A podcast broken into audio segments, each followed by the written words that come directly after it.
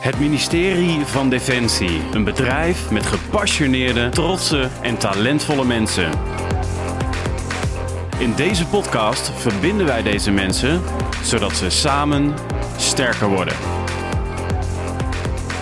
Zoek Samen Sterker podcast en luister of kijk via YouTube, Gpal, iTunes, Spotify of Soundcloud. Uh, goedemorgen Saskia. Goedemorgen. Goedemorgen, hoe gaat het? Ja, prima. Leuk om elkaar te zien zo op de, op de digitale verbinding. Uh, ja, een leuke manier om uh, na het paasweekend je dag te starten. Ja, toch? Ja. Hey, en um, eigenlijk um, zouden wij ergens anders dit gesprek voeren. Hè? Hebben we een maandje geleden gepland, of twee maanden geleden. Ja, ja we zouden eigenlijk op Nijrode zitten. Uh, die locatie uh, spreekt mij heel erg aan, omdat ik daar de afgelopen vier jaar of vijf jaar heb gestudeerd. En um, nou, dat is voor mij een hele inspirerende omgeving uh, geweest, of eigenlijk nog steeds. En bij Nijrode hebben ze natuurlijk een heel mooi landgoed met een kasteel en een mooie tuin die heel goed onderhouden wordt. Dus daar zag ik wel mogelijkheden om een, om een podcast op te nemen. Maar je zit nu bij mij in de huiskamer. Ja. Vanwege corona uiteraard. Ja. ja, ik baal daar ook wel van, want ik was nog nooit op Nijenrode geweest. Dus ik was al als een uh, klein kind van, oh, mooi naar dat landgoed en uh, mooie ja, beelden schieten tussendoor. Um, maar goed, hey, um, zoals het al, uh, we hebben het er al even over gehad. De wereld verandert op dit moment enorm natuurlijk, digitaal vooral. En ik denk ook dat dit, uh, deze trend ook wel uh, grotendeels voortgezet wordt. Dat het ons ook heel veel oplevert. Maar ja. uh, ik mis de sociale contacten, zoals ik net ook al zei in het voorgesprek, ja. toch wel een beetje. Is dat bij jou ook? Ja, zeker. Weet je, het is toch anders om uh, leiding te geven en je ziet je collega's alleen maar of via Teams of aan de telefoon. je mist wel gewoon de elkaar even tegenkomen op de gang, even koffie drinken, even de chit-chatjes. Uh, nou, gewoon even vragen hoe. Je kan natuurlijk ook aan de telefoon vragen hoe het gaat, maar je, je ziet iemand niet. Hè? Dus dat is toch anders dan, uh, dan dat je op kantoor bent en elkaar even ziet. Ja, ja, ja. ja. ja we zijn, goed, we zijn gewoon. Zo ook, hè? Ja, dat is zo. En we zijn, we zijn echt sociale wezens en daar kom je nu al achter. Hè? Gewoon eventjes samen zijn, even die knuffel, even uh, echt, echt die, die verbinding real life, die is toch stiekem wel heel erg belangrijk. Ja, nou ja, en dan is het ook fijn dat als je dan toch zoveel thuis bent, dat je thuis fijn hebt, hè? Ja, absoluut. dat je goed ja. met elkaar door de deur kan en uh, dat je elkaar niet het huis uitkijkt. Ik zag vanochtend toevallig een, uh, een berichtje uit Engeland dat iemand even 270 kilometer was gaan rijden om even bij zijn vrouw en kinderen weg te zijn. Dan denk ik, nou, ik ben blij dat wij dat hier niet hebben. Oh jee, jee dat, is wel, uh, dat is wel heel heftig. Maar ja, onderschat het niet. Want ik denk, uh, en laten we daar niet te diep op ingaan, maar ik denk wel, uh, wel degelijk dat um, het gebied van, um, van huwelijk, uh, dat daar best wel bij veel mensen, zeker als je net een relatie hebt, moet je je voorstellen dat je net samenwoont. Dan word je wel echt aan de ultieme test uh, onderworpen. Ja, ja, ja, dat, nou ja dat is dat. Maar dan kan je het maar beter meteen weten, toch? Dat is, het is wel een spoedcursus. Het is wel echt een spoedcursus. Ja, ja. Hey, um, uh, Saskia Riseo. Um, ja. Ze noemen jou, uh, jouw vrienden noemen jou Sas. Schreef je op. Ik zal je gewoon Saskia noemen. Je bent directeur van Dienstencentrum Reïntegratie. Ja. Um, uh, ik vermoed gevestigd in Utrecht, Kromhoutkazerne, ja. zeg ik dat goed? Ja, ja, ja wij zitten in K2 op de Kromhout. Kijk, ja. check. Um, ja, waar ik het met jou over wil gaan hebben, ook al een onderwerp wat mij ook wel aan het hart gaat, omdat ik zelf ooit reïntegrant ben geweest, ook zo'n traject doorlopen. Mm -hmm. um, Stel mij vooral daar ook vragen over gedurende het gesprek, hoe dat voor mij was. Um, je hebt een onderzoek gedaan. Uh, je hebt dat in 2018 afgerond, zeg ik dat goed? Ja, ja, ja ik ben vorig jaar januari afgestudeerd. Oké, okay, ja. kijk, kijk. Ja. Um, en uh, je hebt mij geschreven, uh, ja, het gaat over reintegratie van militairen. En waar mm -hmm. jij uh, je onderzoek naar gedaan hebt, is hoe mensen een achterstand, met een achterstand op de arbeidsmarkt weer een plek kunnen krijgen in de maatschappij. Ja. En daar heb je een prachtige, ik heb hem hier staan, een prachtige onderzoeksvraag. Um, Ik kan hem even voorlezen. Ehm, ik weet niet of jij hem mhm. paraat hebt, maar ik heb hem hier staan. En dan kunnen we hem wellicht dadelijk wat makkelijker maken voor, uh, voor de luisteraar. Ehm, op welke wijze kan de governance van de samenwerking tot een systeemverandering leiden, waardoor enerzijds het vinden van nieuwe duurzame arbeid voor reïntegranten van Defensie wordt vergroot en anderzijds mhm. een impuls wordt bewerkstelligd om te komen tot een inclusieve arbeidsmarkt? Ja. Um, een hele mond vol. Als een hele mond vol. Ehm, ik ben al genoeg aan het woord geweest, uh, Saskia. Zou je eens kunnen vertellen wat uh, de aanleiding was voor jou Ehm, als directeur DCR om hier onderzoek mhm. naar te gaan doen? Ja, zeker. Ehm, zeg maar in mijn hele werkbare leven binnen Defensie. Uh, ik heb eerst bij wat nu dienstcentrum personeel logistiek is gewerkt als psycholoog. En ook daar hadden we heel veel contacten met externe partners die ons helpen om uh, dienstverlening uh, voor elkaar te krijgen. Uh, dus die publiek-private samenwerking is iets waar ik al vele jaren ervaring mee heb, maar ook waar ik heel geïnteresseerd ben hoe, hoe die dynamiek nou komt. En um, toen ik bij DCR kwam werken, hadden we ook externe partners. En wat ik daar eigenlijk zag, is um, um, is dat je in een systeem, een soort van reïntegratiesysteem terecht bent gekomen, waarbij het eigenlijk niet meer uitmaakt wat het resultaat is voor de reïntegrant, maar het meer gaat om het vinkje zetten uh, in een systeem, zodat we en geen loonsanctie krijgen van het UWV, hè, dat we kunnen laten zien dat het reïntegratiedossier op orde is. Hè, voor de marktpartijen uh, die ons ondersteunen, hè, is het succesvol op het moment dat zij ons een update hebben gegeven, periodiek, over dat ze hun, hun dingetje hebben gedaan, een gesprek hebben gevoerd of een rapportage hebben ingeleverd. En eigenlijk bekommerde zich niemand om of die reintegrant dan ook daadwerkelijk een baan heeft. En dat is iets waarvan ik denk van het is heel fijn om in een, met mensen samen te kunnen werken. Maar hoe kan het nou dat het gezamenlijk doel van de reintegratie niet is het vinden van een baan? En voor degene, hè, we hebben natuurlijk ook mensen die niet meer uh, aan het werk kunnen, omdat hè, ze zo ziek zijn dat ze volledig arbeidsongeschikt zijn. Um, maar waarom, uh, hè, dus dat waren vragen bij mij die opkwamen. Hoe komt het nou dat het systeem in Nederland schijnbaar zo is ingeregeld dat dat niet het gewenste effect is? Nou, daar heb ik me wat meer in verdiept, hè, tijdens meerdere modules uh, binnen Nijrode. En, en mijn these is, is uiteraard dan het eindstuk van die weg er naartoe. Dus ik heb eerst uh, al eerder gekeken van hoe zit het systeem dan in elkaar. Hè? Eh, vanuit marktperspectief, vanuit juridisch perspectief en vanuit uh, ethisch perspectief. En dan zie je eigenlijk dat in het Nederlandse reïntegratiesysteem, in hè, mijn mening dan, hè, dat daar een, een um, nou ja, dat dat systeem gewoon niet klopt omdat het einddoel uh, niet is succes, maar het einddoel is bolletjes zetten. En dat, hè, dat is ook wat je nu ziet gebeuren in de zorg. Hè. We hebben zoveel administratie eromheen gebouwd. Dat de, de kern van waar je eigenlijk toe bent, doet er eigenlijk niet meer zo toe. Het is een heel administratief proces geworden. Ja, echt nou, en dat handelen vanuit de bedoeling in plaats vanuit de systeemwereld eigenlijk. Ja. ja, nou en Um, en, dat was, en het klinkt nu een beetje stom dat dat een open deur was. Maar um, toen ik ook bij DCR wilde werken, hebben we eerst een aanbesteding uh, op de markt gezet. Zoals, hè, zoals volgens de Europese aanbestedingsregels moet. Dus je maakt netjes. Uh,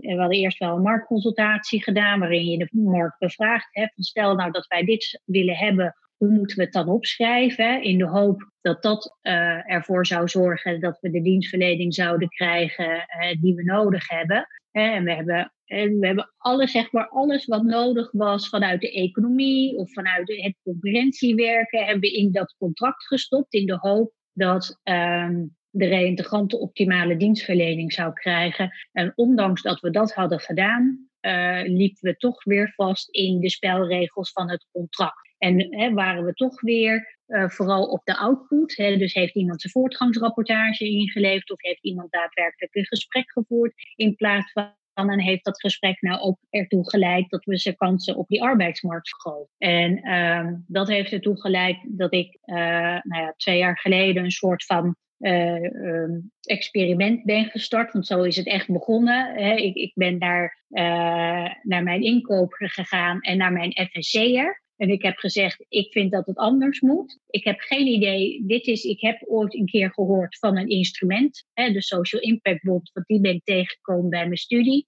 Is nog niet op dit soort dienstverlening. Uh, heeft, hebben zij geen referentiedocumenten of wat dan ook. Maar ik zou wel graag met jullie willen verkennen of dit iets is voor ons. En dan met name zodat we die reintegrant veel beter kunnen helpen. Nou, en dat, dat um, heeft ertoe geleid dat uh, ik uiteindelijk een scriptie heb geschreven waarin dat uh, wat verder is uitgewerkt, hè, waar je dan op moet letten en waar we gedurende die, die, die twee jaar hè, dat we de markt hebben verkend, met investeerders hebben gesproken, met uh, reintegranten hebben gesproken, hè, van wat vind jij nou van onze dienstverlening en wat zouden we anders moeten doen waardoor we je beter kunnen helpen. Dat allemaal samen uh, heeft ertoe geleid dat nou ja, ik een scriptie heb geschreven, maar dat we vorig jaar ook de grootste Social Impact Bond van uh, Europa hebben gelanceerd. En we daar nu middenin zitten. Ja. Wauw, wauw. Ook wel iets om trots op te zijn, denk ik, of niet? Ja, zeker. Want ehm,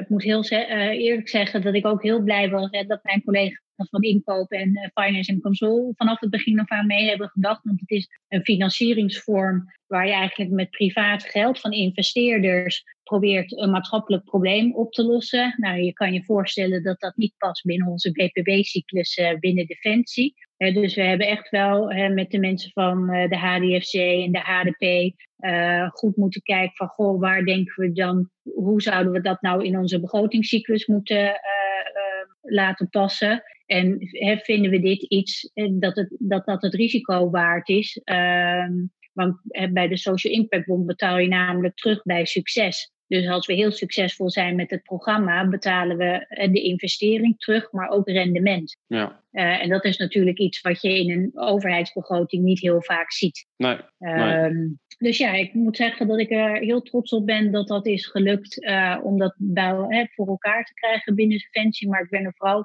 heel erg trots op, omdat ik uh, uh, nog steeds van mening ben dat dit zoveel beter aansluit bij wat onze reintegranten nodig hebben, omdat we nu namelijk hebben ingericht wat zij hebben gevraagd. En dat uh, het, het gemeenschappelijke doel van iedereen die nu betrokken is, is het vinden van die baan. Dus het hele, ja. we hebben eigenlijk een soort van kentering gemaakt in het systeem, waarin het vinden van een baan nu de top prio heeft en de administratie eromheen moet natuurlijk wel in orde zijn, omdat het UWV dat van ons vereist. Ja. Maar dat is niet meer het belangrijkste. Ja. Heb jij misschien, um, um, ik, heb natuurlijk um, wat navraag naar jou, naar jou gedaan. Ik heb mm-hmm. een vriendin van jou, Mandy den Drijver, die ik ook in de podcast heb gehad, heb ik ja. uh, gesproken eventjes vanochtend. En uh, het, het, is nogal wat. Het, het, onderwerp wat je bij de kop gepakt hebt, reïntegratie. Ik hoor je ook niet alleen defensie spreken, maar ik hoor je ook Nederland mhm. net zeggen. Um, Natuurlijk super gaaf dat jullie um, een project op hebben gezet wat nu in heel Europa uh, naar gekeken wordt. Dat is natuurlijk onwijs mhm. gaaf en ontzettend, ontzettend mooi dat je dat hebt kunnen doen, daaraan hebt mogen bijdragen. Um, en wat ik ook wel daarin zie, ook op het moment dat jij aangaat hierover. Um, Mandy zei, uh, Saskia is echt een vrouw met lef. Dat je echt een vrouw met lef bent. En uh, dat is iets waar uh, jij haar in inspireert in ieder geval. En dat zie ik gelijk ook wel terug. Want um, voordat we even naar het begrip reïntegratie gaan. ik wil mm-hmm. eerst eventjes blijven bij dat stuk. Um, wat heb jij gedaan om jouw omgeving te inspireren? Uh, en hetgene waar jij van dacht, bijvoorbeeld de Social Impact Bond, en daar wil ik straks dieper mm -hmm. op mhm. ingaan. Uh, hoe ging jij mensen meekrijgen om ook in hetgene waar jij in gelooft, om hen daarin mm -hmm. uh, in mee te nemen? Hoe, hoe heb je dat gedaan? Waar liep je tegenaan? hoe ging dat? Ja, die, dat is wel grappig dat je die vraag stelt, want die vraag krijg ik wel vaker. Maar ik heb voor mijn gevoel daar niet eens heel hard voor hoeven werken. En dat is denk ik het mooie, omdat um, um, wat de reintegratiedienstverlening zo tastbaar maakt, is dat iedereen in zijn omgeving wel iemand kent, of eh, wat dichterbij of wat verder af, die, die ziek is geworden. En um, als je dan schetst uh, hoe het huidige systeem werkt en als je het systeem anders zou inrichten, hoe dat zou kunnen werken, dan hè, hoe, nou, het klinkt zo niet dat ik het heb verkocht, maar als jij aangeeft, je wil in dit systeem morgen echt niet ziek worden, want de kans dat jij daarna weer een, een serieuze loopbaan kan opbouwen of dat is wel een dingetje, ja volledig meedoet in de maatschappij. Of dat je niet een soort van tweederangsburger bent met een, een levenslang etiket op je hoofd. iedereen wil aan het eind van de dag thuiskomen met het gevoel: ik heb iets nuttigs gedaan vandaag, ik heb ergens aan bijgedragen, ik, heb, ik hoor ergens bij. En dat is eigenlijk wat mijn verhaal is geweest. En mijn, uh, mijn zijn mensen die zich hebben ingezet in hun huidige baan door omstandigheden dat soms niet meer kunnen, maar die nog wel heel erg waardevol zijn, A voor de maatschappij, maar ook gewoon in het arbeidsleven. En wat we proberen met dit project is zeg maar het potentieel wat er nog is volledig te benutten. En dat kan uiteraard zijn hè, bij, uh, bij Defensie, als dat nog mogelijk is. Maar ook, uh, daar moeten we ons niet blind op staren, want er zijn een heleboel andere werkgevers die uh, ook heel erg um, onze medewerkers waardevol kunnen uh, vinden. En die uh, wellicht beter passen binnen de persoonlijke omstandigheden van iemand. Hè? Omdat het bijvoorbeeld dichter bij huis is. Of omdat uh, parttime werker daar makkelijker is. Of en noem een reden waarom een andere baan bij een andere werkgever soms veel aantrekkelijker kan zijn voor iemand dan het maar vasthouden aan, aan defensie. Ja. En ja. Um, en wat ik um, denk ik uh, wel slim heb gedaan, is dat ik, um, ik ben een beetje weggebleven uit het Haagse, als ik heel eerlijk ben. Hè, want ik, ik, ik, weet, nou, ik loop lang genoeg binnen Defensie mee, dat ik weet op het moment dat het richting beleid gaat, krijg je wel heel veel mensen die daar uh, ook wat van gaan vinden. En dan verzand je in een soort van bureaucratie. Dus wat we hebben gezegd, hè, wij zijn van de uitvoering en dit is ook uitvoering, hè, want we hebben het alleen maar anders georganiseerd. En we hebben niet aan de fundamenten van onze dienstverlening gezeten. Mm dat heeft er wel voor gezorgd dat ik uh, van de uh, uh, van um, de vorige commandant uh, Dosco wel heel veel vrijheid heb gekregen, overigens van commandant DPOD ook, heel veel vrijheid heb gekregen om zeg maar, het vorm te geven. En op het moment dat het, uh, nou ja, dat het leek te gaan lukken, om de juiste mensen erbij te betrekken. Um, om ervoor te zorgen dat het ook in de systemen en, en, en, binnen Defensie werd gedragen. Maar je zegt eigenlijk ook dat er een hele grote sense of urgency was. Dat eigenlijk iedereen wel wist dat, um, ik zeg het even heel plat, het systeem, ik zal het even netjes zeggen, het systeem niet voldeed. Ja, en, hè, ik, ik realiseer me, hè, wat, wij leveren met reïntegratie is natuurlijk niet het kernproduct van, hè, van, de, van wat Defensie hoort te leveren. Maar uh, we willen ook goed werkgever zijn. We willen ook dat hè, onze mensen goed terechtkomen als ze niet meer uh, bij ons kunnen werken. Plus op het moment dat je goed met de mensen uh, omgaat, op het moment dat ze niet meer in onze organisatie kunnen werken, hè, kunnen ze wel weer ambassadeur zijn voor andere mensen die wel in onze organisatie willen uh, werken. En even, hè, dat staat dan even los van, de, hè, dat is vanuit de organisatieperspectief, maar dat staat dan even los van uh, de drive die je hebt om iemand anders ook hè, die tweede uh, loopbaan te gunnen. En net zoals dat jij ook een tweede loopbaan hebt gehad ja. naar je militaire bestaan. Absoluut, ja. Waar ik um, um, even kort op in wil gaan. Uh, we hebben wel wat dingetjes aangestipt. Uh, dingen die uh, leiden tot jouw onderzoek. Hè? Dat het meer ging om mhm. vinkjes zetten. Daar hou ik het -hmm. even kort op. Ja, ja. Wat ik overigens heel erg herken uit mijn reïntegratietraject. Ja. Waardoor dingen ook heel erg misliepen. want ik merkte dat het eigenlijk meer een strijd was tegen het systeem. -hmm. dat heel veel mensen langs elkaar heen praten. Um, uh, ik zie mijzelf nog, uh, Saskia, ik zie het nog voor me. Ik, um, ik ben vrij, iemand die vrij assertief is, eigenaarschap mm -hmm. toont. Dat zullen mensen die mij kennen van die tijd en nu, maar ook toen. Uh, ik heb heel veel mensen daarna, daarna geadviseerd hoe ze met hun reïntegratie om moesten gaan. Die kwamen mm -hmm. allemaal structureel bij mij. van, goh, hoe heb je dat er gedaan allemaal? Ik zie mezelf nog um, op eigen initiatief naar Utrecht gaan. En bij het kantoortje, yeah. jouw kantoor, aankloppen en zeggen: help, ik wil verder. Ik wil, op, ik wil op dit moment uh, uh, het volgende spoor in. Uh, mm-hmm. En toen werd er gezegd: ja, sorry, maar er is nooit een plan van aanpak voor jou opgemaakt. We hebben mm-hmm. gewoon helemaal geen dossier van jou. En pas als yeah. dat zo is, en toen was ik al meer dan een jaar met reïntegratie bezig. Yeah. En um, er was dus helemaal niets. En toen zeiden ze: ja, jammer, draai maar om.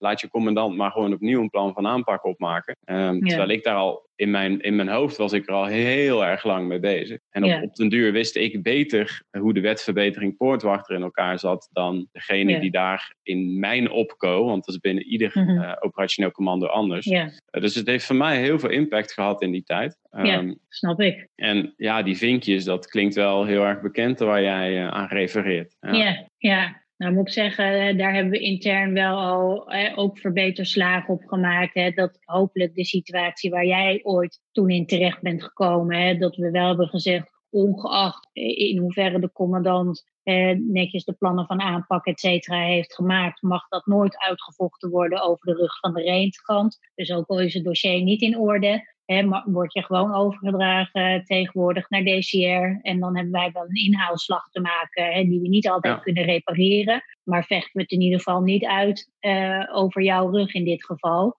Um, en wordt er dan wel zo snel mogelijk uh, vorm gegeven aan jouw reïntegratie. En is juist dat eigenaarschap en die verantwoordelijkheid, eh, die jij blijkbaar wel hebt laten zien, zo van belang om die reïntegratie ook te laten slagen want ik kan natuurlijk niet verzinnen wat het beste bij jou past. Ik kan je er wel in ondersteunen. Maar jij bent toch de eigenaar van, van je eigen herstel, maar ook de eigenaar van waar zou je dan naartoe willen en wat past dan goed bij jou. En op het moment dat je dat soort gesprekken kan voeren, dan kan je ook gezamenlijk die weg bewandelen om te kijken en wat past dan het beste en bij jou en hoe kunnen we die reintegratie dan het beste vormgeven, zodat je aan het eind van de rit ook daadwerkelijk ergens bent geland waar je je ook prettig voelt. Ja, als we het hebben over reintegratie, uh, om, om dat even goed te, te positioneren in dit gesprek. Uh, voor de mhm. mensen die luisteren. Reintegratie, wanneer spreken we over reintegratie? Je hebt wetverbetering, poortwachter, verschillende sporen. Uh, ja.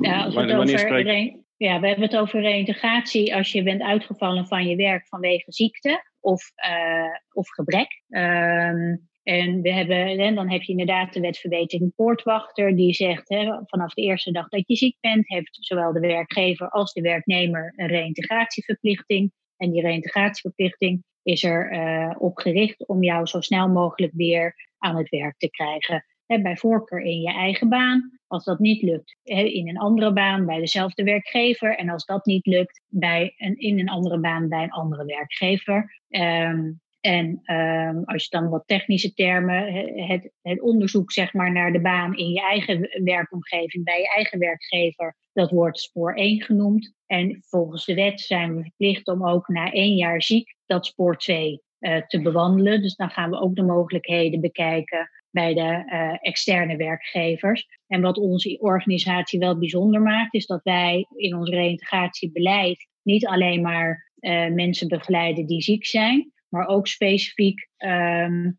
um, ons uh, beleid hebben uitgebreid voor mensen die tijdelijk even niet voldoen aan de militaire eisen. En dat kan zijn omdat er een medische inzetbaarheidsbeperking is, maar dat kan ook zijn dat er iets is in de, in de privésfeer, waardoor mensen uh, even niet op uitzending kunnen of even niet kunnen reizen of op uh, oefening kunnen, waardoor ze, hè, dat wordt dan een sociale inzetbaarheidsbeperking genoemd, en die vallen ook onder het reïntegratiebeleid. dus als je het vanuit dat perspectief bekijkt, zijn wij echt een hele sociale werkgever, dat op het moment dat je even niet in staat bent door ziekte of door die andere omstandigheden om uh, aan je verplichtingen te voldoen, dat je eigenlijk twee jaar de tijd krijgt om uh, A, hopelijk beter te worden, hè, want dat gunnen we natuurlijk iedereen. En um, of de dingen dusdanig in te regelen dat je daarna wel weer aan die verplichtingen uh, kan voldoen. En in die twee jaar uh, begeleiden de reïntegratiebegeleiders,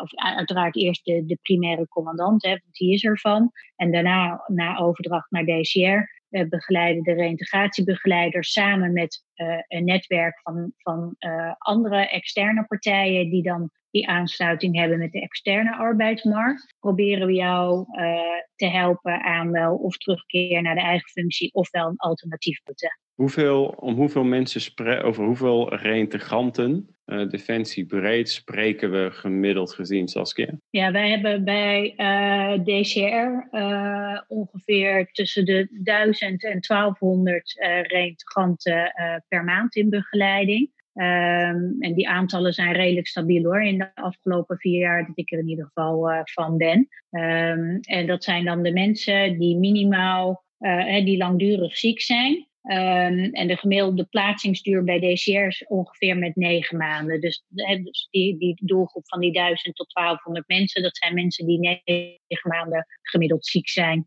uh, die dan bij ons worden geplaatst. Oké, en als ik het goed begrijp, um, mensen worden pas officieel bij jullie aangemeld. Is dat nadat de jaren ziekte? Nee, wat we uh, tegenwoordig doen is, we hebben uh, met komst van de reïntegratie toe, hè, die het als het goed is iedereen wat moet helpen om de verplichte stappen te zetten, kan je uiterlijk na zes maanden al een advies vragen. Uh, en in dat advies wordt eigenlijk getoetst of het reïntegratiedossier zoals het er nu ligt, of daar alle uh, verplichte documenten in zitten. Maar mijn mensen kunnen dan ook adviseren of het verstandig is om iemand te plaatsen. Nou, daar hebben we gewoon criteria voor. Dus als de verwachting is dat iemand langer dan een jaar ziek is, um, dat de kans groot is dat je bijvoorbeeld niet meer terug kan naar je eigen werkplek, dan raden we aan om te plaatsen bij DCR. En dan nemen wij de begeleiding over. En op het moment dat je het advies hebt, kan je daarna op de knop drukken om iemand bij ons te plaatsen. Ja, ja. ja. Hey, waar, ik, waar ik ook wel benieuwd naar uh, ben, en dan gaan we dadelijk ook naar uh, Social Impact Bond. Um, Ligt er eigenlijk binnen het ministerie van Defensie, is natuurlijk een vrij masculine organisatie,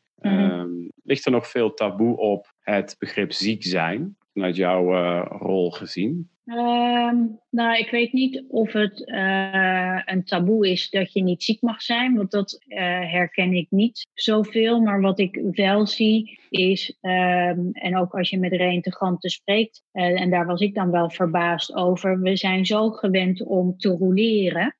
met name bij de militairen, dat op het moment dat je langdurig uitvalt door ziekte, um, uh, reïntegranten het best wel normaal vinden dat er geen contact met hun wordt opgenomen. En bijvoorbeeld door collega's of wat dan ook. En um, in de gesprekken die ik met ze heb gehad, geven ze dan aan, ja, maar dat komt, er wordt zo vaak iemand overgeplaatst of gerouleerd, dan weet je eigenlijk niet of iemand regulier weg is of dat iemand uh, vanwege ziekte thuis zit. En ja. terwijl toch juist die band met, uh, met de eenheid of met de collega's is natuurlijk wel weer van belang om dat proces van terugkeer uh, te faciliteren.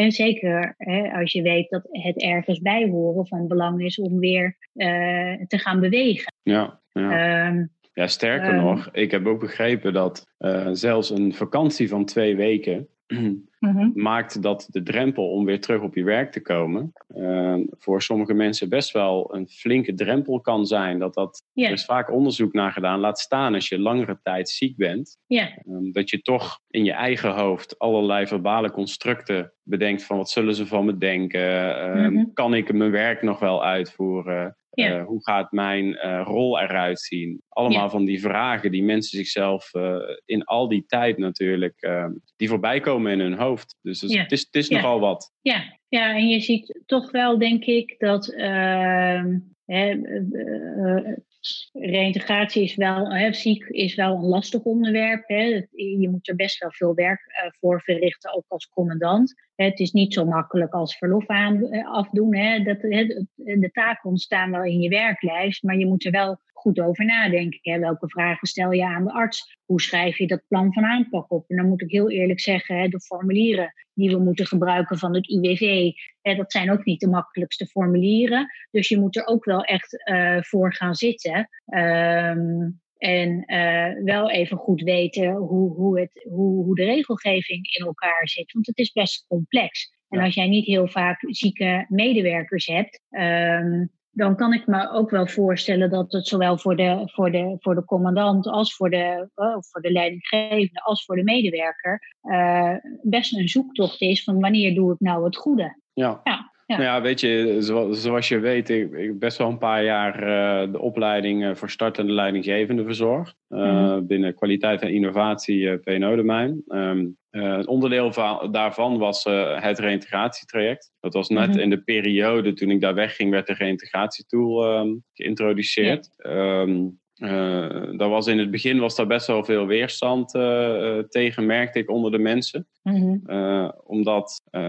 de afgelopen, ja, ik denk tien, tien jaar ongeveer, iets langer, mhm. wordt er best wel veel van leidinggevenden verwacht. Zo, zo ervaren zij dat in ieder geval. Uh, Mensen die volledig nieuw binnenkomen, die hebben daar minder last van, omdat ze natuurlijk niet beter weten. Maar de mm PNO-gerelateerde taken bij leidinggevenden, die zijn best wel fors te noemen. Uh, Zo ervaren zij dat zelf. Uh, ik zei wel eens gekscherend, volgens mij heb ik het in de podcast met Mandy ook gezegd. Ik zei wel eens tegen de collega's, de mannen en vrouwen die leidinggevende werden van... realiseren jullie jezelf dat jullie een soort ouders worden... Um, van jullie club, van jullie, van jullie team. En dan zaten ze me met grote ogen aan te kijken. Ik zei, ja, gemiddeld spenderen we meer tijd op ons werk dan dat mhm. we thuis spenderen. Ja. En jij gaat over de bewegingsvrijheid. Als iemand ziek is, bepaal, bepaal jij best veel. Of iemand zich wellicht moet melden bij een arts na een bepaalde mhm. tijd. Het is nogal een verantwoordelijkheid die je draagt als leidinggevende. En we hebben best wel wat jonge leidinggevenden ook, die van de KMA komen en die er dan ineens van zijn. Ehm, dus hoe, hoe, ervaar jij dat? Ook, ik vind het een pittige taak voor een leidinggevende. Uh, en dat is het ook, denk ik. Hè? Met name omdat ik net schets, de regelgeving eromheen is best wel complex. Uh, hè? En het is ook niet uh, dat als je het een keer hebt gedaan, dat je daarna dat trucje kan herhalen. Want iedereen heeft natuurlijk een ander verhaal. Uh, de ene ziekte is niet de andere ziekte. Hè. Het ene heeft veel meer impact op iemand dan iets anders. Dus je moet altijd um, in ogenschouw nemen. waar komt iemand vandaan? Uh, waar heeft hij last van? En, en, wat gaat hem of haar helpen om weer terug te keren? Dus het is eigenlijk het is een stom woord, maatwerk, maar het is altijd maatwerk. Hè, omdat je moet aansluiten op wat diegene op dat moment nodig heeft. En dat vereist, denk ik, A, best wel wat levenservaring, ehm, maar ook wat inlevingsvermogen en flexibiliteit. Uh, en echt de oprechte interesse ook om met mensen dan in gesprek te gaan. En dat is best wel veel gevraagd als je daarnaast ook nog je toko draaiende uh, moet houden. ja. ja. ja. Hey, voordat wij naar uh, de Social Impact Bond uh, gaan, want um, zeg in jouw IS-situatie, en ik realiseer mezelf dat het uh, te kort door de bocht is. Je hebt jaren gestudeerd, je hebt je MBA gehaald op Nijenrode. Mm -hmm. um, mm. Super knap van je trouwens, dus echt respect dat je mhm. dat uh, gedaan hebt. Dat is ook iets wat, wat Mandy zei, dat je hè, met een gezin, een druk leven, dat toch maar gewoon gedaan hebt. Uh, Had zij ook heel veel respect voor, want dat is, dat is niet niks. Ik heb zelf ook gestudeerd naast mijn werk. Uh, is pittig, dus respect daarvoor. Uh, dus ik wil ook zeker ook op die social graag gedaan. Ik wil ook zeker op die social impact bond wat dat precies is. Ik vond het zelf best wel een beetje lastig. Maar als bruggetje daar naartoe, heb jij misschien een, een, een voorbeeld? ik kan me voorstellen als directeur dat je niet alle voorbeelden heel goed ken. Mhm. Maar heb je misschien een schrijnend voorbeeld um, van een situatie die in de oude situatie, of een aantal, die uh, toch echt wel minder goed liepen? Uh, wat echt een mhm. nadeel had op de, voor de reintegrant uh, in dit geval? Um, nou, niet een, een, een, specifiek voorbeeld, hè, want ik wil natuurlijk ook niet dat iemand zich straks herkent in een, in een voorbeeld. Maar wat mij is opgevallen in de gesprekken wat wij hebben gedaan, we hebben focusgroepen gehouden met reïntegranten. Um, en um, als je kijkt naar de dienstverlening die wij in het verleden uh, leverden, was dat begeleiding en uh, bemiddeling. En dat was een soort van standaard dienstverlening, eh, waarin je, leert om je cv te maken, een sollicitatiebrief. We deden wat aan rouwverwerking. Um, en, en dat duurde dan een jaar of wat dan ook. En tegen de tijd dat iemand in beweging moest komen en er een werkgever klaar moest staan, was. dus ik trek altijd maar de parallel. jij bent gescout voor Ajax en je bent helemaal fit, getraind. Je staat daar in je mooie trainingspak in de arena en dan is er geen publiek om naar je te kijken. Um, en wat de reintegranten verder, uh, dus wat, wat uh, ze hebben aangegeven wat beter kon, is dat ze vonden dat de partijen die met de reintegratie te maken hadden, beter met elkaar moesten communiceren, zodat als er een, een, schrijnend verhaal was, dat ze niet gedwongen werden om dat tien keer aan tien verschillende mensen te vertellen, hè, maar dat je in ieder geval, en net als dat je bij de dokter komt, en je mag verwachten dat hij jouw medisch dossier uh, kent. Uh, maar ook um, waar ze wakker van lagen, was met name de financiën. Wat nou als ik niet beter word? Wat nou als ik gekort word op mijn salaris? Kan ik dan mijn huis nog betalen? kunnen mijn kinderen dan nog naar de hobbyclub? Kunnen ze nog voetballen? Kunnen ze straks nog studeren? En dat zijn de zorgen waar ze s'nachts wakker uh, van liggen. En dat hadden wij eigenlijk helemaal niet ingeregeld. En wat ze als laatste, uh, en dat is denk ik het belangrijkste, hè, om dan ook maar het bruggetje te maken naar de, naar de Social Impact Bond, is dat ze het heel erg uh, jammer vonden dat ze hè, in die lange tijd dat ze moeten reintegreren, eigenlijk weinig tot geen kansen kregen om uh, een andere sector of een andere branche te verkennen, terwijl ze nog onder de veilige vleugels van Defensie aan het werk waren. Ja. dus stel dat um, het laat in het traject is dat meestal, in ieder geval voor de militairen, als blijkt dat ze niet meer terug zouden kunnen naar het militair zijn. Dat ze in ieder geval de kans hebben gekregen om ook eens iets anders te verkennen binnen of buiten Defensie en om om te zien, is dat iets wat bij mij past. En natuurlijk heb je misschien dan nog niet de opleiding die erbij hoort, maar heb je in ieder geval kunnen verkennen van zijn, zijn, heeft die baan of uh, die functie, heeft dat nou elementen in zich dat als ik s'avonds naar huis ga, dat ik denk van goh, ik heb een goed gevoel. Ik heb een leuke werkdag gehad. Ik heb leuke collega's gezien. Ik heb weer ergens aan bijgedragen. Nou, en dat, dat was wat uh, met name ook miste in het, uh,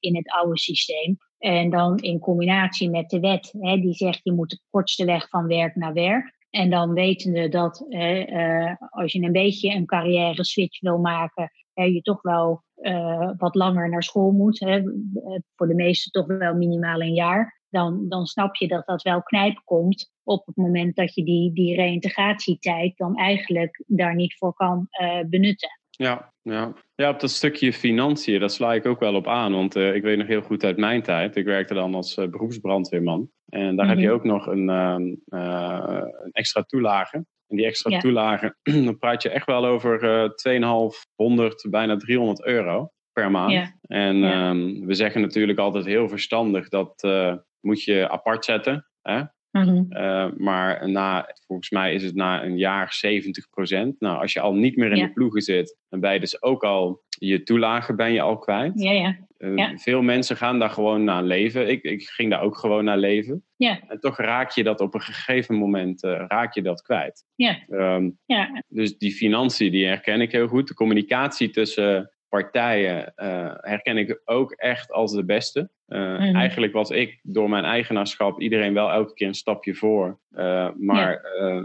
ja, er werd inderdaad minder goed gecommuniceerd. Um, en voor mij is gelukkig um, het spoor nooit gekomen dat ik buiten Defensie ben moeten gaan kijken. Wel mm-hmm. overwogen, maar yeah. dat is nooit gebeurd. Um, nog één vraagje tussendoor en dan gaan we naar Social Impact Bond. Jij praat heel de tijd over wij, wij DCR. Ja. Um, ja. Niet DCHR, DCR mensen. Ja. Dienstencentrum Reintegratie. Uh, um, hoeveel begeleiders hebben we binnen Defensie? DCR, waar bestaan jullie ongeveer uit? Uh, we hebben ongeveer uh, 64 VTE'en, waarvan ongeveer 40 zich bezighouden met de begeleiding. Oké, okay, wauw. Moet je eens kijken. Joh. Ja. Ja. Bijzonder. En daarnaast uh, hebben we dan nog uh, onze externe partners die zeg maar het externe deel doen. Um, dus daar zitten ook nog uh, VTE die zich daarmee bezighouden. En um, wij werken natuurlijk nauw samen met, met de reïntegratieketen, hè, waar ook de, de,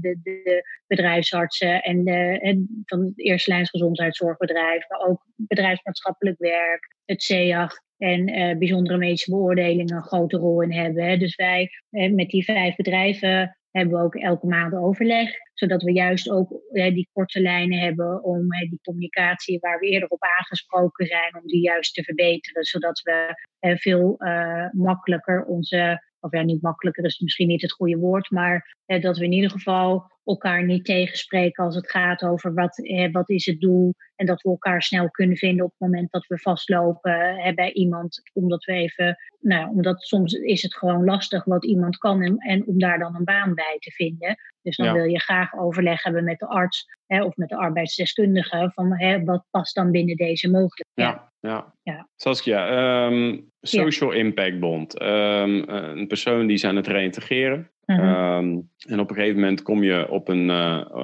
op een punt uh, waar in het verleden discrepanties uh, waren. Ik ben heel erg mhm. benieuwd. Ehm, zou je in Jip en Janneke taal, ik heb vanochtend even, het bestaat al jaren, heb ik gezien, al bijna tien jaar. Mhm. Ehm, ik vond het zelf heel lastig. Ik ben geen cijfertjesman. Um, Zou je in Jip en Janneke taal uit kunnen leggen wat een social impact bond is? En hoe jij deze aan het, uh, en correct me if I'm wrong, uh, aan het implementeren bent binnen Defensie? Ja, nou, een social impact bond is eigenlijk een innovatief financieel instrument waarbij je uh, privaat geld van investeerders gebruikt om samen met de overheid een maatschappelijk probleem uh, op te lossen. En het systeem hè, of dat instrument zit dusdanig in elkaar dat je uiteraard goed moet definiëren wat succes is en wanneer je terugbetaalt. Maar waar het eigenlijk op neerkomt, is je, je definieert een maatschappelijk probleem. En in, in het geval hè, waar DCR mee werkt, is uh, dat we uh, de, de kans willen vergroten dat iemand terugkeert in het arbeidsproces. Uh, en we wilden ook tegelijkertijd het aantal loonsancties naar beneden, omdat uh, we, vinden dat we ook als werkgever gewoon het reïntegratiedossier goed op orde willen hebben. En we hebben als, uh, uh, als laatste KPI hebben we toegevoegd dat we vinden dat de interventie moet bijdragen aan het welzijn. dus we willen geen interventies op reintegranten uitstorten als dat niet naar hun gevoel bijdraagt aan de reintegratie. Dus dat is um, waar we op, um, op uitbetalen. En wat, het, uh, wat dat instrument eigenlijk doet, is te zorgen dat je financiering hebt. Um, in, in ons geval 16,7 miljoen, dus het is best veel geld uh, wat we hebben opgehaald. En met dat geld wordt een consortium aan uitvoerders betaald. Uh, dat zijn de mensen die onder andere uh, de, de gesprekken voeren met werkgevers waar onze mensen werkervaringsplaatsen op kunnen doen. Of als ze niet meer bij ons kunnen werken, een arbeidsplaats uh,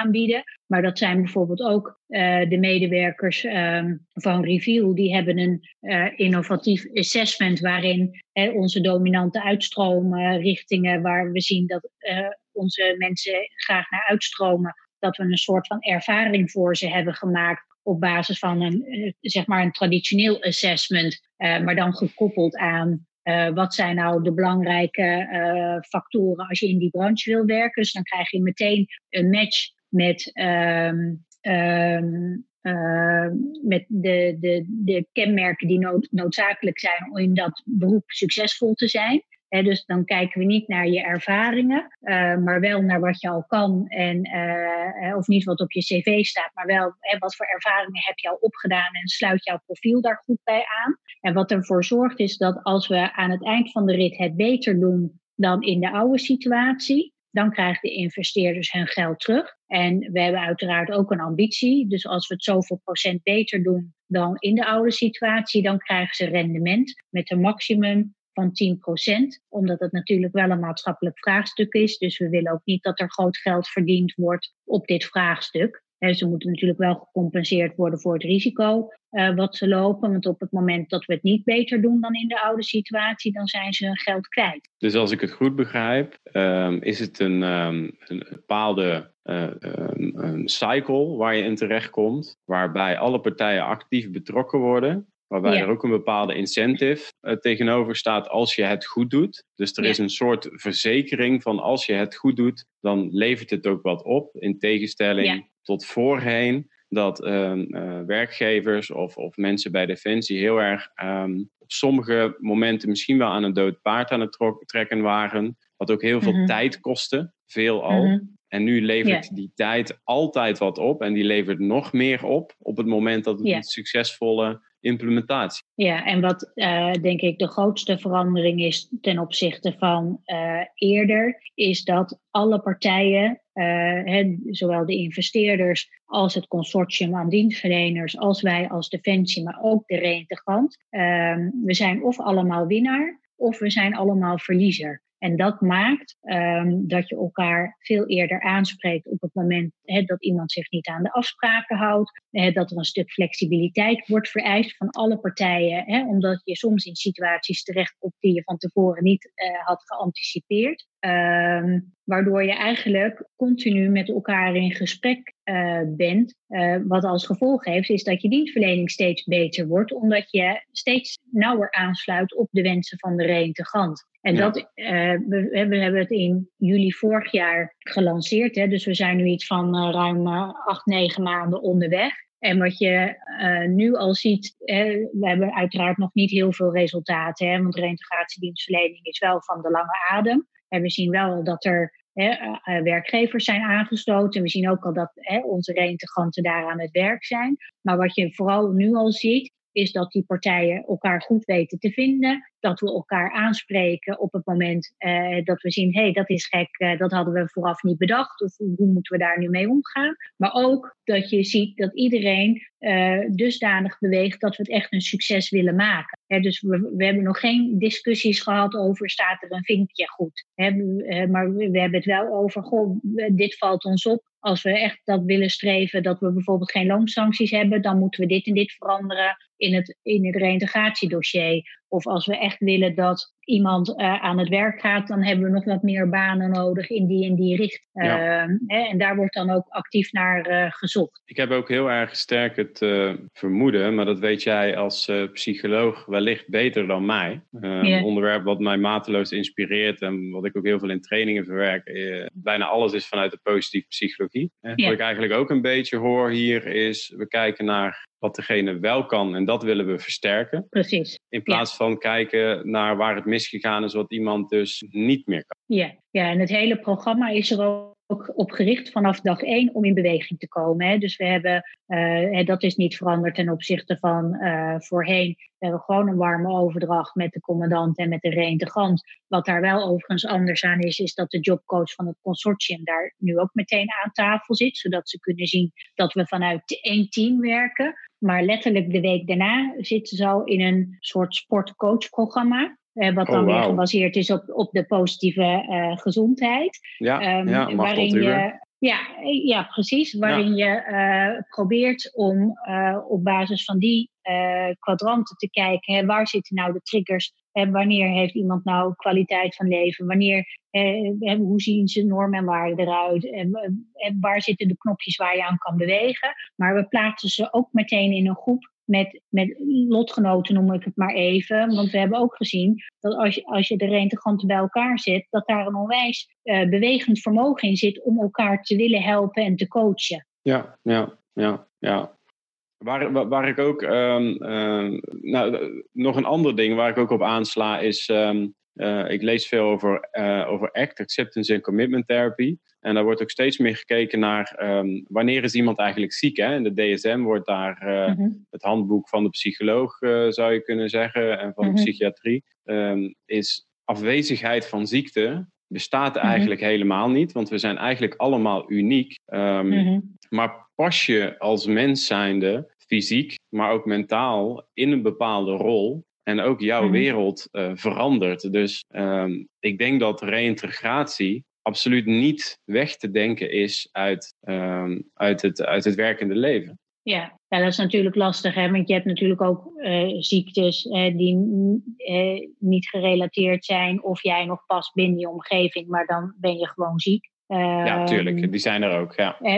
die heb je ook. Um, maar verder, um, waar ik net naartoe wilde met mijn antwoord, is bij al die andere gevallen eh, is het meestal een mismatch met wat je kan en wil en wat de omgeving van jou vraagt, waardoor je klachten uh, kan ontwikkelen. En ik geloof wel dat we, uh, wil je veel meer op die duurzame inzetbaarheid en zullen we toch veel meer naar de voorkant moeten bewegen, naar die preventieve kant, in plaats van de achterkant. En die achterkant moet ook goed ingericht zijn, hè? daar werken we hard aan. Maar eh, ik denk dat onze organisatie ook nog wel stappen zou kunnen maken om dat verder aan de voorkant in te richten. Ja, ja mooi. Mooi ja. inderdaad. Ja, aan de voorkant. Want je wil eigenlijk, ja, want hè, ziek worden, uh, hè, zeg maar echt ziek worden, hè, dat overkomt je en, en en, en, dan moet je zorgen, hopelijk, dat je daarna weer beter wordt. Maar uitvallen omdat het een mismatch is, dat kan je natuurlijk wel voorkomen op het moment dat je daar voldoende instrumenten voor hebt en voldoende zelfinzicht voor hebt en voldoende flexibiliteit hebt in je organisatie,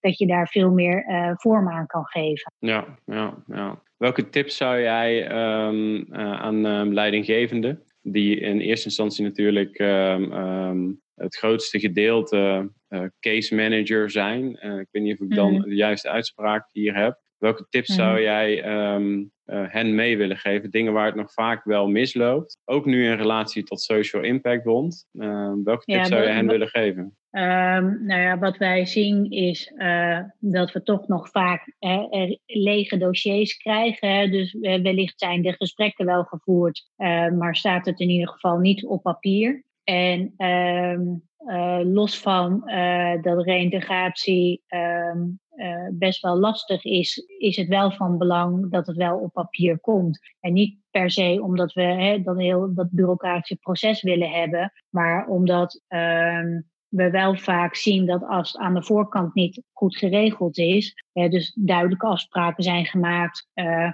uh, duidelijk is verteld, hè, dit mag je van mij verwachten, maar dit verwacht ik ook van jou. Hè, de rechten en plichten die met reïntegratie te maken hebben. Dat op het moment dat we het, um, de zachte heelmeesters maken bij ons wel echt de stinkende wonden. dus ga dat gesprek aan. Ook al is het lastig, ook al zie je dat de kans uh, uh, wellicht niet zo groot is dat iemand bij je terugkomt, maar ga dat gesprek wel aan. En maak alsjeblieft een plan en zet het op papier, zodat het voor iedereen duidelijk is. Want niks is zo vervelend dat je hè, na negen of na twaalf maanden bij ons terechtkomt. En dat wij dan nog een keer moeten zeggen: oh ja, met 12 maanden krijg je 70% van je loon. En we hebben nu nog maar een jaar in plaats van twee jaar.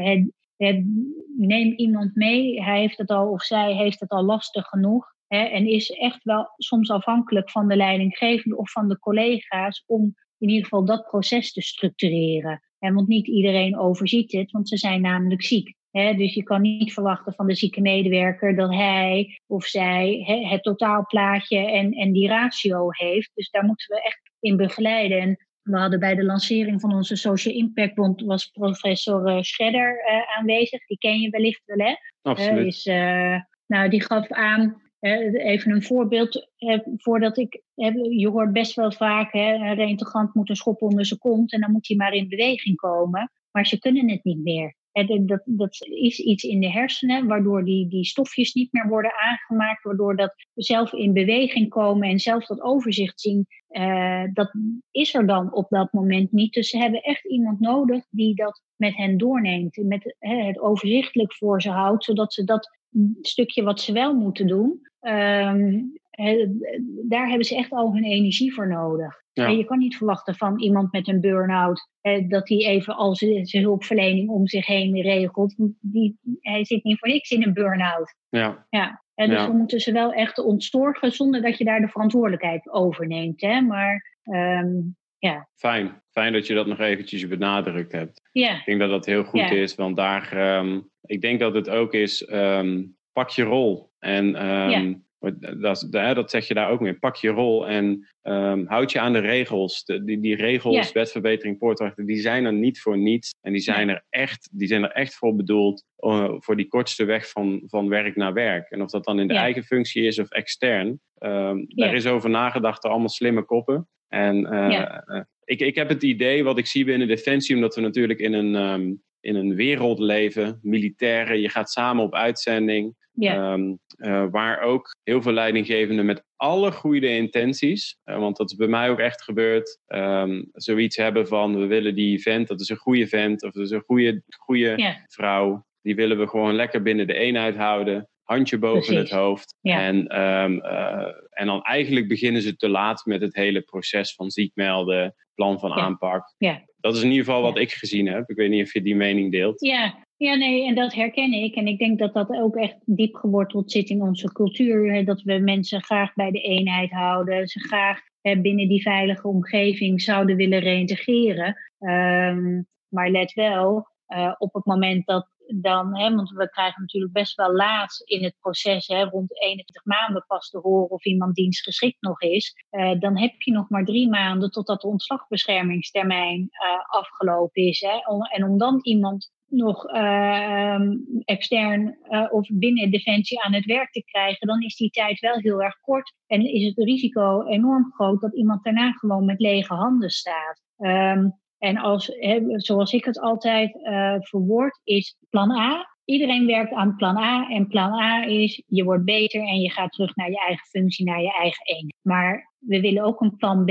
En plan B is een soort van je verzekeringspolis. Dat mocht plan A toch niet lukken, dan hebben we een alternatief. En gebruik die reïntegratieperiode A om te herstellen en om de medische zorg hè, of de psychische zorg die je nodig hebt, om die te ontvangen. Maar denk ook na over dat plan B, zodat je niet verrast wordt. En dat je uiteindelijk misschien een plan B hebt gelopen waar je niks verder mee doet, omdat je terug kan naar je eigen functie, heb je wellicht wel uh, ervaring opgedaan in een andere branche. Je hebt nieuwe mensen leren kennen. Je hebt hè, daar wellicht ook weer andere dingen geleerd die je mee kan nemen. Dus het is echt geen verloren tijd. Ja, en ik denk dat dat wel wat meer op het netvlies zou mogen op het moment dat uh, commandanten met hun personeel in gesprek zijn. Want wij streven er ook naar dat iemand teruggaat naar zijn eigen werkplek en het liefst zo snel mogelijk. Maar de realiteit is ook dat dat niet altijd kan. En laten we dan ook vooral zorgen voor degene hè, waarvan terugkeer naar de eigen werkplek niet meer mogelijk is, dat we juist voor die mensen ook een goed alternatief hebben. En want die anderen komen er wel. Ja. Hey, langzaam een staartje creëren aan uh, deze leuke podcast met jou, uh, Saskia. Um, um, Social Impact Bond. Uh, dus ik goed begrijp, die Social Impact Bond die komt om de hoek op het moment dat we het externe spoor ingaan. Zeg ik dat goed? Ja. Oké. Ja, ja uh, dat klopt als het gaat over het zoeken naar, uh, naar externe werkgevers en dat netwerk uh, uitbreiden. Maar ze kijken stiekem ook mee aan de voorkant, omdat we ook als ehm, ambitie hebben verwoord dat we willen dat onze reïntegratiedossiers kwalitatief beter worden. Nou, dat start natuurlijk vanaf dag één. Dus ook uh, wordt er getoetst vanuit de Social Impact Bond wat de kwaliteit is van de dossiers op het moment dat ze instromen bij DCR. In de hoop hè, dat we ook aan de voorkant nog een verbeterslag kunnen maken. Ja, ja. Stel dat jij nu um, een uh, pitch zou moeten geven ergens om uh, Social Impact Bond te moeten verkopen omdat je daar zo mhm. ontzettend trots op bent dat je daar onderdeel bent, van bent geweest om dat in mhm. te voeren. Um, hoe zou die pitch dan klinken? Misschien met een, eh, een voorbeeld of een fictief voorbeeld um, hoe het zou kunnen lopen. Of eentje, waar, hè, wat ik al zeg, hoe het gelopen is. Uh, en wat mhm. dat het bedrijf en de reintegrant op heeft geleverd. Ja, nou, we zijn natuurlijk nog niet zo ver hè, dat we echt al de resultaten hebben. Um, maar wat ik wel heel erg mooi vind is, um, we hebben al een brief gekregen van een reïntegrant die na zijn eerste twaalf weken dat hij in dat sportprogramma heeft gezeten, bij zichzelf had erkend dat hij onwijs in de weerstand zat en eigenlijk er niet aan wilde, maar met hulp van de sportcoach en de gesprekken die ze daar hebben gehad en uh, de gesprekken die hij daar met zijn medereintegranten heeft gehad, een hele mooie brief had geschreven naar de sportcoach om hem te bedanken dat hij uh, inzicht heeft gekregen in uh, waar hij goed in is. Had erkend waar zijn weerstand ook zat en heeft onderzocht waar dat van kwam. En dat dit wel het setje is geweest wat hem um, kan helpen om zijn verdere reïntegratie invulling te geven. En dat is natuurlijk wel waar we het voor doen. Wauw, wauw. Ja. Ja, dat is een mooi voorbeeld. En ik kan me ook voorstellen, hè, hè, ik ben natuurlijk onderdeel van het team Adaptieve Krijgsmacht, ook wel Total Force genoemd. Hè? Dus hoe leg je het veilig vraag, veiligheidsvraagstuk bij de maatschappij neer? Ik kan me zomaar ook voorstellen dat je met um, um, de, de, de, de, deze uh, Social Impact Bond, dat je hiermee ook creëert dat je uh, ambassadeurs voor Defensie voor het leven creëert, omdat ze zich goed behandeld voelen. Uh, En ik kan me ook zomaar voorstellen dat mensen op termijn in een andere hoedanigheid weer terugkomen met de kennis uit de maatschappij, die ze weer meenemen naar Defensie. Ja, ja. Uh, dat, dat zeker. En wat ik hoop, wat we er ook mee creëren, even los dat hè, onze mensen natuurlijk onze ambassadeurs zijn, maar dat er ook een uh, kentering in komt hoe je hoe private partijen kunnen helpen bij het oplossen van maatschappelijke problemen. En dat, dat je dat niet alleen maar bij de overheid mag neerleggen. En als je nu bijvoorbeeld kijkt, een van onze grotere investeerders is Egon. Hè, dat is toch een grote verzekeringsmaatschappij. Ehm, die hebben echt een deel van hun, hun geld waar ze gewoon geld over moeten verdienen. omdat ze ook aandeelhouders hebben waar ze verantwoording af moeten leggen. Zeggen nee, maar wij zijn.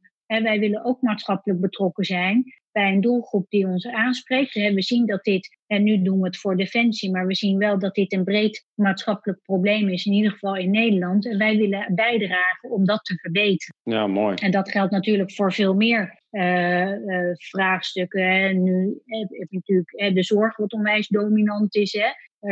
als, als vitale sector, hoe afhankelijk je daarvan bent. En zo hebben we echt wel meer uh, onderwijs. Nog zo één grote vraagstukken waar je juist met die publiek-private samenwerking, als je ervoor open staat, hè, om eens even buiten je eigen kaders te kijken, om met ideeën van hoe het anders ook kan. Ehm, en vice versa. Hè. Dus wij hoeven niet echt alles over te nemen van privaat, maar het privaat kan ook leren van hoe we het publiek uh, organiseren. En dat je dan veel meer kan creëren. Hè. Dan heb je een soort van gestalt van 1 en 1 is 3 in plaats van 1 en 1 is 2. En dat zou natuurlijk wel mooi zijn als we dat veel, uh, op veel meer vraagstukken integraal zouden, zouden aanlopen. Ja, absoluut. Ja. Ja. Waar ik wel benieuwd naar ben, stel dat jij op een, uh, op een feestje staat en uh, je wil een keer lekker opscheppen over wat jij hebt mogen doen vanuit je studie. Mm. Uh, om hoeveel uh, uh, private partners gaat het inmiddels waar een samenwerking mee aangegaan is? Nou, we hebben um, vier investeerders, als je dat bedoelt. Ja, ja. En we hebben vijf consortiumpartijen. Um, en het netwerk aan werkgevers groeit. Hè. Zo sluiten we bijvoorbeeld ook aan aan het initiatief van Hanno Goos hè, over de HR-ecosystemen.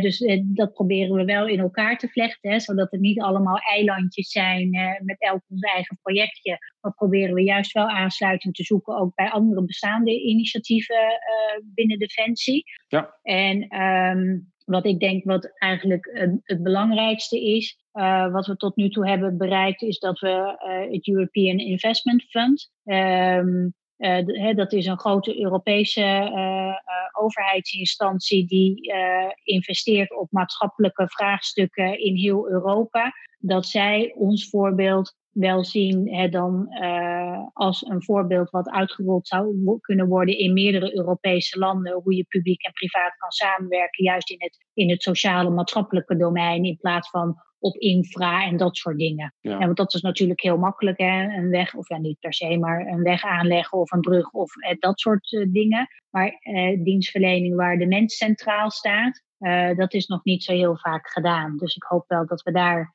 nou ja, een beweging in, in hebben gemaakt. Tof, heel tof, heel ja. tof. Ja. En welke, ik weet niet of je die mag noemen, maar welke werkgevers um, reïntegreren mensen veelal naartoe vanuit Defensie eigenlijk? Um, nou, als je het goed vindt, noem ik dan geen werkgevers, maar wel de sectoren. Dus wat je ziet is, um, onze mensen stromen heel veel uit richting beveiliging, uh, richting logistiek, richting zorg, uh, richting techniek ook wel. Um, maar dan met name werkgevers die ook nog bereid zijn om een hele, hè, dan hoef je alleen maar affiniteit te hebben, maar nog niet een hele opleiding. En um, we hebben het genoemd retail en uh, eh, MKB. En dan moet je denken aan de, de Coolblues, Bol.com, zeg maar grote organisaties waar je in, in door kan groeien en waar ze verschillende functies hebben. Dus waar je ook nog een heel loopbaanpad kan lopen. Mooi, mooi. En wat horen je, wat krijgen jullie terug van uh, bedrijven? Zowel um, krijgen jullie wel eens uh, feedback of uh, bepaalde uh, kernkwaliteiten die benoemd worden van, um, van defensiemedewerkers? Ja, ja, wat, wat we met name terugkrijgen is dat de kwaliteiten die defensiemedewerkers, militairen hebben, dat net als verantwoordelijkheidsgevoel, initiatief, samenwerken, en dat dat uit, stressbestendig uiteraard um, uh, competenties zijn die extern ook heel erg um, worden gewaardeerd. Maar dat met, met name wat je nu ziet is als je in gesprek bent met die werkgevers, is hoeveel oud-militairen of reservisten overal aan het werk zijn die dit initiatief een warm hart toedragen en dat toch proberen om in hun organisatie te krijgen. Ja, en snappen ja. hè, hoe de, nou ja, wat voor goede collega's we hebben um, en die ook daar uh, zouden kunnen werken. Ja, ja, tof. Heel mooi. Ja, ja. Voordat ik um, naar de laatste vraag ga, ik wil nog heel even kort hebben over, over jou en jouw persoonlijke drive. Want je hebt nogal wat uh, beweging gecreëerd. En ik heb je beloofd dat we daar niet te lang op ingaan. Um, heb ik nog iets op het gebied van de Social Impact Bond? Heb, heb ik iets um, gemist wat je toch wel belangrijk vindt om nog even te benoemen? Um, ja, wat ik wel wil benoemen is. Een social impact bond is een instrument wat je met name bij maatschappelijke vraagstukken moet inzetten. Dus het is geen wondermiddel om, als je zelf tekorten hebt op je begroting, dat je dan extern geld aantrekt. Um, toevallig was dit een instrument wat paste bij mijn vraagstuk. maar ik zal ook geen hele grote promotor zijn. We moeten alles met een social impact bond doen. Want er zijn ook andere financieringsmogelijkheden natuurlijk waardoor je impact kan creëren. Um, maar ik denk, uh, dus voor, voor, de, voor de luisteraar, zeg maar, het is niet het wondermiddel, maar toevallig past het wel heel goed hierin. Um, en het is ook een hoop werk. Hè? Dus uh, het, is niet alleen niet opzetten, maar daarna het onderhouden is gewoon veel werk. Dus je moet daar wel uh, de tijd en zin in hebben om dat te blijven investeren, om het tot een succes te maken. Ja, ja. ja. Alright, dankjewel daarvoor. Um, ja, ik, eh, zoals ik al zei, ik, um, en dat doe ik pas sinds twee podcasts eigenlijk. Um, omdat ja. ik het wel mooi vind om uh, een ander. Kijk, het is uiteindelijk is het, uh, Saskia, is het allemaal mensenwerk hè, wat we doen. Ja. Um, en ja. Um, het moet toch door uh, een game changer, zo noem ik het wel eens, iemand mm -hmm. die een kans ziet. Um, moeten dingen in beweging gebracht worden. Mensen moeten jou maar geloven. Hè? Ja. Um, ik lees heel graag de boeken van Yuval Noah Harari, die echt zegt van, -hmm. goh, um, verhalen verbindt mensen. Um, ja. Ideeën en geloven in dingen, dat verbindt mensen. Uh, ja. En daarom heb ik uh, gemeend om degene, de mensen die ik in de podcast, om gewoon een beetje rondvraag te doen. Dus mm -hmm. uh, jouw vriendin Mandy, Mandy den Drijver, die, die gaf al aan, en ik citeer letterlijk wat ze zei...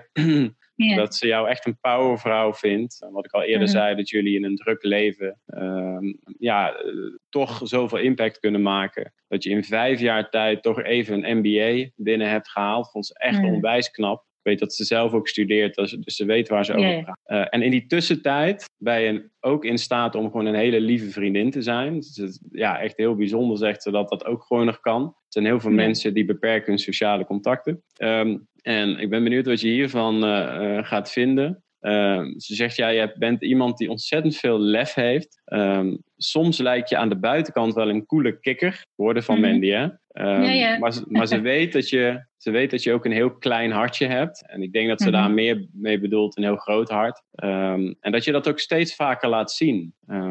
dus uh, uh, dat is hoe jij haar inspireert. En mm -hmm. dan is ook in het verlengde daarvan is ook uh, mijn vraag aan jou. Wat maakt dat jij um, directeur DCR bent geworden? En mm. welke persoonlijke drijfveren uh, van jouzelf, welke persoonlijke drijfveren leg jij in jouw werk? Hoe doe je dat? Wie, wie ben jij? Ja, ja dat is uh, wel een beetje de lastige vraag. Hè? Daar hadden we het in het vorige gesprek ook even over. Maar um, kijk, wat, wat, wat mij drijft is, ik vind leidinggeven heel erg leuk. Um, maar ik vind innoveren heel erg leuk en ik ben resultaatgericht. En dat moet dan wel in een omgeving zijn die maatschappelijke betekenis heeft. Um, daar ben ik denk ik ook een beetje een vreemde eend in de bijt. Want ik heb geen carrièreperspectief in die zin. Hè, ik wil over zoveel jaar die schaal of die functie. Hè, want ik wil een functie hebben waar ik A, mijn kwaliteiten goed in, in, in kwijt kan, maar juist waar die maatschappelijke betekenis heel erg van belang is. Um, en dat is uh, wat maakt dat ik elke dag met plezier uh, naar mijn werk ga. Dat je, uh, ondanks hè, dat dat niet altijd makkelijk is, hè, want je stuit ook op weerstand. Hè, je moet maar mensen hè, gelijkgestemden vinden die met jou hè, die weg willen bewandelen. Maar het feit dat je elke dag opstaat en denkt: ik heb het een beetje beter gedaan dan hoe we het gisteren hadden ingeregeld, dat maakt dat je een soort van uh, energie hebt die, um, nou, die een soort van onuitputtelijk uh, is, lijkt wel. Want je, refereert een paar keer naar uh, mijn MBA. Natuurlijk is het best wel zwaar om weinig vrije tijd te hebben, maar het heeft me zoveel gebracht aan nieuwe inzichten. En, en dat je denkt, oh, weet je, ik hoef het helemaal niet opnieuw uit te vinden. Maar als ik een beetje dit en dan heb je ook allemaal ambitieuze mensen die, die iets willen veranderen of iets willen verbeteren. En dat levert gewoon heel veel uh, energie op. En als je dat soort mensen om je heen verzamelt, en ook een, een, aantal mensen om je heen verzamelt, dat de dingen die je niet zo heel goed kan, dat die borgen, dat dat goed geregeld is, dan kan je echt heel veel verzetten, uh, ook als ambtenaar. Ja, ja mooi, mooi. Ja. En dat stukje maatschappelijk, want ik heb in jouw, jouw thesis, zie ik het woord betekenis ook best wel een aantal keer terugkomen. Um, ja. Um, heeft dat een bepaalde, uh, is, er, is er een bepaalde reden, iets uh, wat jou persoonlijk raakt, misschien uit je verleden, iets wat je gezien hebt, dat dat maatschappelijke stuk voor jou zo belangrijk is? Um, nou, um, ik denk als je nou, ik weet niet of het, een, specifieke reden heeft. Ik heb, ben ooit mijn loopbaan begonnen bij een, eh, een eh, uitzendbureau als intercedent. Uh, de arbeidsmarkt voor psychologen toen ik de arbeidsmarkt opkwam was niet zo heel erg goed. Um, en wat, ik heb daar drie jaar overigens met plezier gewerkt hoor. Maar wat mij daar tegen stond is um, uh, de, de, de kortcyclische uh, activiteiten op het moment dat het rendement niet snel genoeg kwam. Dan werd een heel goed idee meteen alweer in de kast geschoven. Alles draaide om omzet, omzet, omzet, omzet. En ehm, ik heb in die drie jaar, ondanks dat ik er heel veel heb geleerd, ook geleerd dat dat niet mijn cup of tea is. Dat dat niet is waar ik ehm, voor mijn bed uitkom. En um, soms moet je natuurlijk ook groeien en dat komt ook hè, naarmate je ouder wordt, dat je steeds beter weet wat je, wat je doet. En mijn man werkt in de zorg. dus ik denk dat wij uh, sowieso beide iets hebben waarin je van betekenis wil zijn. En wij worden alle twee niet getriggerd door uh, snel geld en leaseauto's en, en dat soort dingen. Uh, maar wel, hè, wat heb je nou daadwerkelijk bijgedragen op het moment dat je uh, je, je, werkdag hebt geëindigd. Ja. Um, en je ziet, hè, wat ik in die vier jaar hè, dat ik nu bij DCR zit, wel zie, is dat daar zoveel schijnende gevallen zijn. Um, waar je echt niet mee wil ruilen. Um, dat er echt wel een verbetering moet komen in dat systeem om ervoor te zorgen dat eh, mocht je in de toekomst ziek worden, dat, we dat, nou ja, dat we dat gewoon niet meer op die manier doen. Ja. Um, ja. Een vrouw met een groot hart. Ja. Mooi. Ja. Heel mooi. Niet altijd zichtbaar hoor. Steeds meer heb ik, heb ik gehoord uit betrouwbare bronnen. Hey, um, ja, eigenlijk wel als uh, afsluiter. Stel dat um, uh, er mensen zijn die een heel goed idee hebben binnen Defensie. Mm. Vinden het nog een beetje spannend in het systeem. stel dat je hen een aantal tips zou moeten geven. Jij bent een vrouw met lef. Je hebt uh, mm. dingen opgepakt.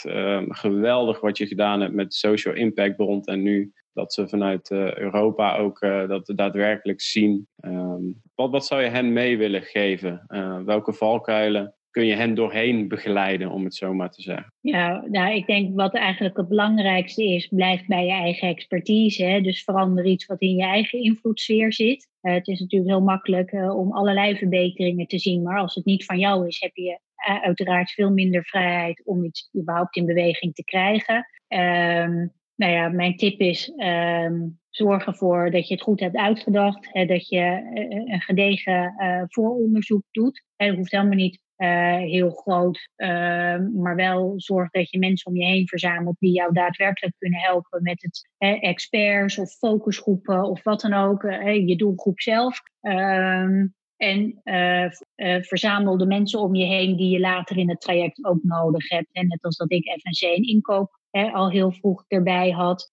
informeer je commandant. Maar zorg in ieder geval dat het niet zo groot wordt dat je in een soort van bureaucratie terechtkomt dat je alleen maar notas moet schrijven. Ja. Want daar, dat zijn wel de energiedrainers, als ik heel eerlijk ben. Ja. En want dan gaat het niet meer, dan gaat de snelheid er ook uit. Um, en je hebt wel snelheid, denk ik, nodig om, uh, om vooruit te kunnen. Ja. Want anders wordt het zo'n stuk wat in een la verdwijnt. Ja, ja. Weet je, en dat, ja, dat, is, dat werkt natuurlijk niet heel erg motiverend. Ja, ja. mooi. Dus eigenlijk hoor ik je nou zeggen. En, ja. En sluit natuurlijk aan bij de adaptieve krijgsmacht bij het projectteam van Wendy. Want daar, en dat is daar natuurlijk ook voor om initiatieven om mensen op weg te helpen. Hè? Want Yes. Allerlei projectleiders zijn daar aangesloten. dus je hoeft echt het wiel niet opnieuw uit te vinden. En zij hebben een heel netwerk van mensen die jou kunnen helpen als je het even niet weet hoe het moet. Absoluut waar. Ja, ja. En wees vooral niet bang om ook een keer op je, om, ja, gaat netjes, hè, om, om fouten op, te maken. Snuit, op je snuit ja, te precies, gaan. precies. Op je snuit te gaan, ja. ja. weet je, dat is ook niet erg. Hè? Daar leer je ook van. Ja, um, ja. Mooi. Blijf bij je expertise. Goede voorbereiding, maar dat hoeft niet heel uitgebreid. Neem de mensen mee in wat je doet en de partijen die daarbij horen. Een beetje snelheid is wel belangrijk voordat het in de bureau, bureaula verdwijnt. En uh, durf op je bek te gaan. Precies. Dat hoort er ook. ja, zeker. Dus hey, ik vond het super leuk. Zijn er nog uh, nabranders vanuit jouw kant? Heb ik iets gemist? Um, wil je mij nog iets vragen? take it away als afsluiter. Nou, ik, ik, vraag me wel af, ik heb geen opmerking meer dat ik denk van ik moet nog wat aanvullen, maar ik was eigenlijk wel benieuwd hè, met jouw ervaring van, van, van toen. Als je nu kijkt eh, hoe, wat we voor verbeteringen in gang hebben gezet bij reïntegratie. Ik zou wel nieuwsgierig zijn hoe jij daar nu uh, tegenaan kijkt als voormalige expert, zeg maar. Oké, ehm, nou, weet je, dit is er wel echt een die ik normaal even zou laten broeden. Maar als ik vanuit mhm. gevoel spreek, hè, dus, niet, dus niet vanuit verstand. Um, Maar dan kijk ik niet alleen naar het reïntegratietraject aan zich. Ik kijk naar defensie. Ik vind defensie steeds minder uh, bureaucratisch rigide. Ik zie dat er veel en veel meer maatwerk plaatsvindt. Uh, ik ben ook ergens terechtgekomen waar ik gelukkig ben en blij ben en excelleer in wat ik doe daardoor. Um, en wat ik van jou hoor, uh, de interventies die er al gedaan zijn. Um, mm. Ook mensen in mijn omgeving, ook oude collega's waar ik mee op uitzending naar Afghanistan en zo ben geweest. Um, ik hoor steeds meer positieve berichten.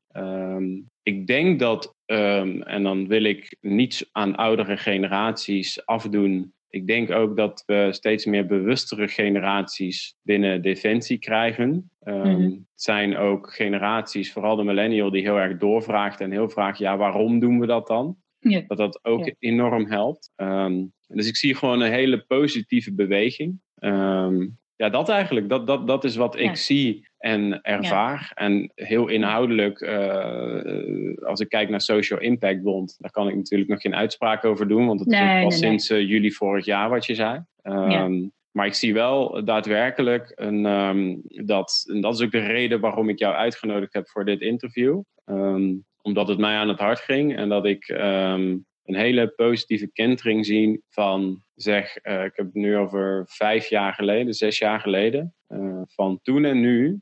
Dat is enorm dat het onderwerp uh, heel erg top of mind is bij mensen. En dat was voorheen was het echt iets waar je eigenlijk liever niet mee bezig wilde zijn als leidinggevende. Nee. En nu hoort het er gewoon bij. Dus ik ben positief gestemd, absoluut. Ja. Nou, mooi, goed zo. Nou, dat is leuk om te horen, toch? Ja. Ja, hey, ja. Uh, ontzettend bedankt. Uh, ik vond het super leuk. Ja, graag gedaan. En, ja, um, bedankt. Nou, heel graag gedaan. En wellicht over, um, uh, over als, als de podcast dan nog steeds loopt, ik hoop het, over een jaar nog maar eens een kort interviewtje doen um, over hoe het dan met Social Impact Bond gaat en welke resultaten er geboekt zijn bijvoorbeeld. Lijkt me wel heel gaaf. Ja, lijkt me leuk. Ja, toch? Heel goed. Ja, zeker. Ik hoop dat we dan heel, heel, omdat we dan aan de champagne zitten.